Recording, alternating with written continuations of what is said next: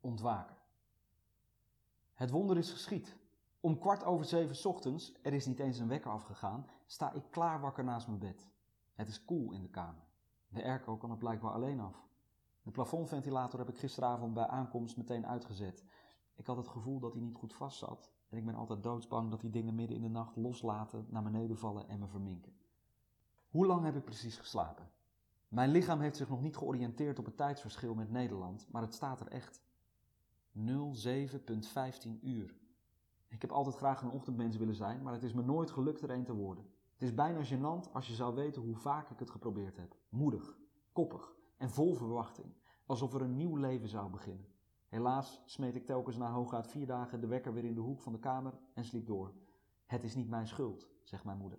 Je komt nu eenmaal uit een familie van langslapers, zegt ze. Het past natuurlijk bij de hardnekkige karikatuur van Surinamers, dat ze lang en veel slapen, maar bij ons wordt het cliché teruggebracht tot een familiaire kwaal die stamt uit de geschiedenis. Ik hou mijn ogen erfelijk dicht. Mijn moeder heeft me geleerd om dit als argument in de strijd te werpen tegen zeurende kortslapers. En dat doet ze zelf dan ook dagelijks wanneer mijn vader haar rond het middaguur uit bed probeert te krijgen. Virginia, roept hij, denk je dat het nog gaat lukken voor het 8 uur journaal? Jan, zegt ze dan, vrij fel voor iemand die nog in een half comateuze staat verkeert. Het is genetisch, dat begrijp jij niet.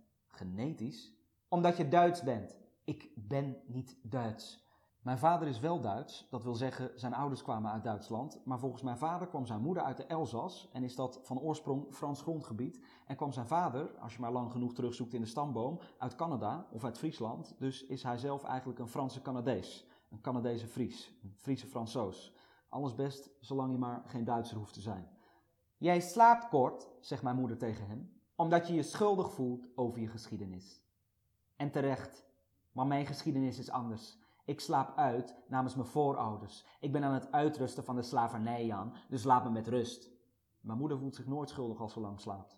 Dat is het belangrijkste verschil tussen ons. Ik voel me altijd schuldig, want ik ben half, dus ook een Calvinist. Misschien is dat knagende schuldgevoel de reden dat ik, hoewel ik soms elf uur onder zeil ben, toch een grote poster in mijn slaapkamer heb opgehangen met Rainer Werner Vastbinders levensmotto. Slapen doen we als we dood zijn. De hotelkamer is van alle gemakken voorzien.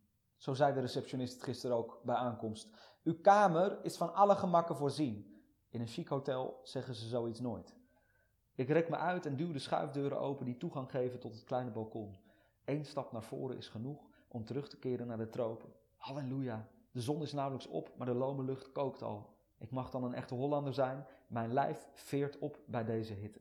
Mijn vrienden beginnen bij een temperatuur van boven de 25 graden te zuchten en te steunen, alsof ze levend gecremeerd worden.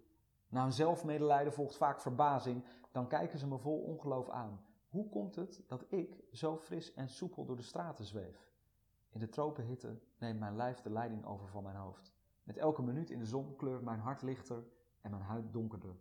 Over een week zal mijn gezicht zo donker zijn dat ze me bij aankomst op Schiphol zeker zullen willen fouilleren.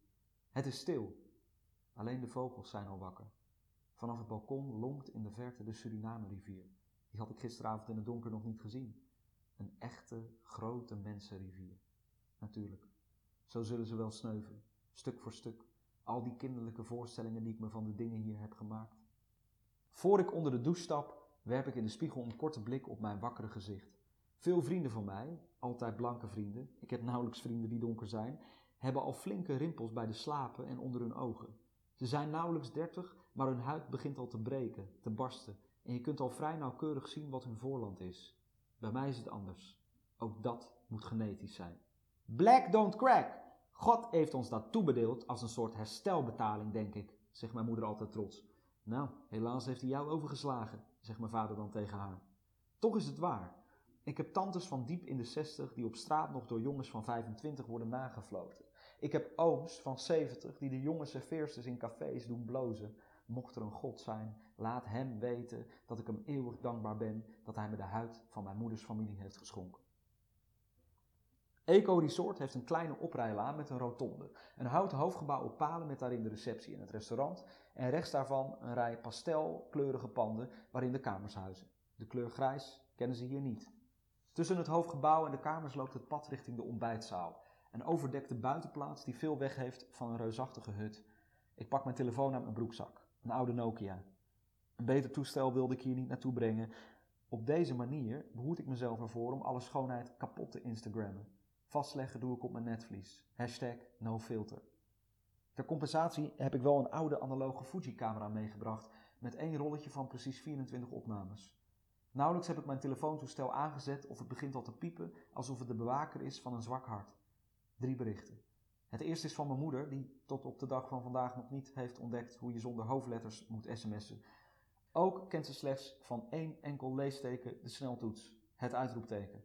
Schat, veilige land, lees ik op internet. Goed zo, hoe was het eten? Ik heb mijn koffers gepakt. Je moet nog wel doorgeven dat ik een streng veganistisch dieet volg. Bel me, je moeder. Het volgende is van mijn vader. Zo, goede vlucht gehad. Je moeder is in alle staten.